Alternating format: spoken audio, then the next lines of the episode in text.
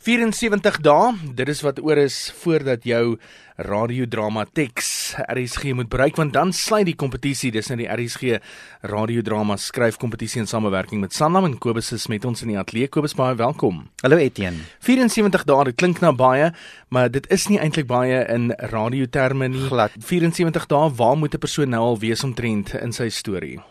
Ek dink jy moet ten minste 'n storie idee hê. Hmm. Jy moet weet waaroor jou storie gaan en dan hopelik al 'n groot deel geskryf het. Kyk, ek dink die geheim van 'n goeie radiodrama is om hom te herlees. So, ehm um, jy moet eintlik ook 'n redigeerder kan wees. So jy moet baie kere deur daai teks werk hmm. en lees. En die geheim met radio is dat jy moet hom eintlik ehm um, hardop lees. So jy moet luister, jy moet luister na die dialoog. Ons lê baie klem daarop in die slypskole. Dit moet speelbare dialoog wees. Met ander woorde, lang sinne soos as jy vir 'n roman of 'n kort verhaal skryf, dis prosa. Hierdie is 'n ander medium, dis radio, so dit moet kort sinne wees. Dit moet soos ek en jy nou met mekaar praat. Ek gaan nie lank en aan een praat nie, dis nie goeie radio nie. Hmm.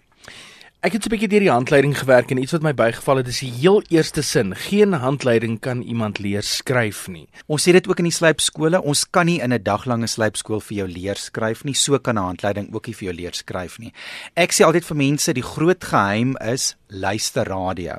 Ons het hoeveel mense wat die slypskole bywoon of wat radiodrama skryf wat jy kan sien, hulle luister nie radio nie. So luister die radioteater seisoen elke donderdag aand. Jy gaan hoor wat watter stories hmm werk. Jy gaan hoor watter karakters, uh, watter spreekbeurte byvoorbeeld werk. So dis punt 1, luister radio. As jy vir radio wil skryf, luister radio.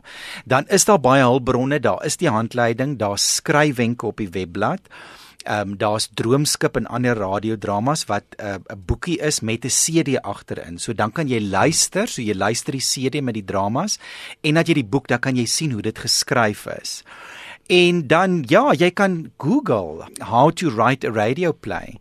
So mm. en dan is dit maar net aanhou. Jy weet daar's mense wat ek nou sien wat elke jaar inskryf tot hulle die kompetisie wen. So mm. dit is maar aanhou en leer. Vra vir ander mense om jou teks te lees. Vra vir 'n uh, uh, akteur of aktrise wat jy dalk ken. Vat my radiodrama lees om dit te kom hoor. Mm.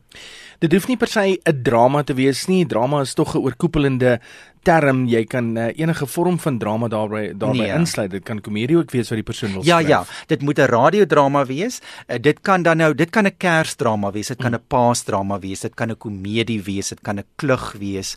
So uh, dit kan 'n spookstorie wees, maar dit moet 'n oorspronklike radiodrama wees en dit moet 'n nuwe radiodrama wees. Mm.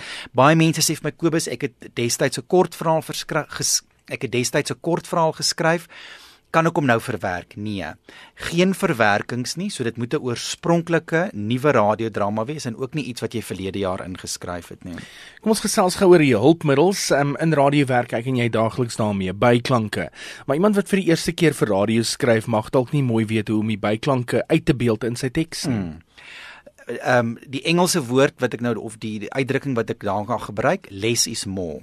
Ons sien dat baie van die nuwe skrywers sukkel met te veel byklanke. Hulle sit allerhande stoele wat skuif, voetstappe en wat ook al. Fokus eerder op 'n sterk storie, 'n goeie storie, 'n boeiende storie. Onthou jy moet van die eerste bladsy, van die eerste minuut af moet jy boei. Ek sien dit donderdae aande mense skakel bitter vinnig die radio af. So jy moet 'n boeiende storie hê. Goeie dialoog, goeie karakters. Dan kan die byklanke inkom. Moenie te veel nie. Ek sien mense skryf 'n stukkie dialoog en dan byklanke, 'n stukkie dialoog byklanke. Later is dit soveel byklanke. Mm. Dit gaan die aandag aftrek. So jou byklanke moet funksioneel wees. As jy byvoorbeeld nou na bure luister ons middag vervolgverhaal. Daai hond daar is nie net 'n hond wat blaf nie. Die hond is 'n verteenwoordiging van die man wat oorlede is. Soos hy treur oor haar man, as die hond blaf, dan is dit dit was sy hond gewees. So dis nie net iemand wat 'n byklank van 'n hond wat daar blaf 'n hondjie die hele tyd in die agtergrond nie. Nee, die hond is amper 'n karakter. So jou byklanke moet funksioneel wees, net waar dit nodig is, waar dit dan die storie basies uh, vertel, waar dit deel is van die storie. Nie net vir die mooi sommer net byklanke insit nie. Dan net laastens gou-gou, daar is baie punte waarop 'n ou kan fokus, maar ons het net soveel tyd. Die gebruik van leestekens, ehm um, is dit 'n probleem in tekste wat jy kry, die oorgebruik ja, daarvan? Ja. Ehm um, hoofletters, mense wat te veel spelaanwysings gee, so ehm um, daar sê 'n hakie sê hy dit nou hartseer of wat ook al. Dit die regisseur en die spelers weet daai goeters en dan ellipse met anderwoorde puntjies puntjies jy weet doetjie doetjie doetjie puntjie puntjie puntjie.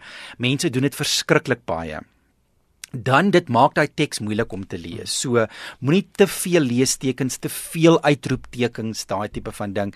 Dit maak die teks uh, nie baie leesbaar nie en dan geloofwaardigheid is die ander ding. Maak seker dat alles wat jy geskryf het geloofwaardig is. Dat as jy skryf oor iets wat in 'n hospitaal gebeur of 'n prosedure wat 'n dokter uitvoer, Moenie jy dokter speel nie. Gaan maak seker, vra 'n verpleegster of 'n dokter. Ek het nou geskryf vir iemand wat 'n hartaanval kry. Is dit hoe jy iemand hanteer wat 'n hartaanval in die hospitaal kry? Ons het slim luisteraars, ons het mense wat kennis het van alle vakgebiede. So moenie ehm um, die kort pad vat in jou drama en sommer net goed uit jou duim uitsuig nie. Die luisteraars gaan jou uitvang. En dit dan onder die vaandel van fiksie gooi en sê maar dis 'n fiktiewe nee, verhaal nie. Nee, nie op radio nie. Hierso moet jy seker maak van jou feite. 16 Julie om die draai, uh die sluitingsdatum en volgens my wiskunde 74 dae oor voor daai sluitingsdatum, maar ek sê altyd gee jouself 'n week ekstra net vir ingeval kry jou drama 'n week voor die tyd. En Kobus baie dankie en uh, dankie, alles sterkte. En benut die handleiding. Dit is op ja. die webblad. Mense vra vir my, ons hoor julle te kompetisie. Dit is op die voorblad van die uh, webblad. As jy kyk, jy kan dit nie miskyk nie. Dit is op die webblad. Vinnig aflaai, daar skryfwenke, daar selfs 'n klankslypskool. So gebruik die hulpbronne.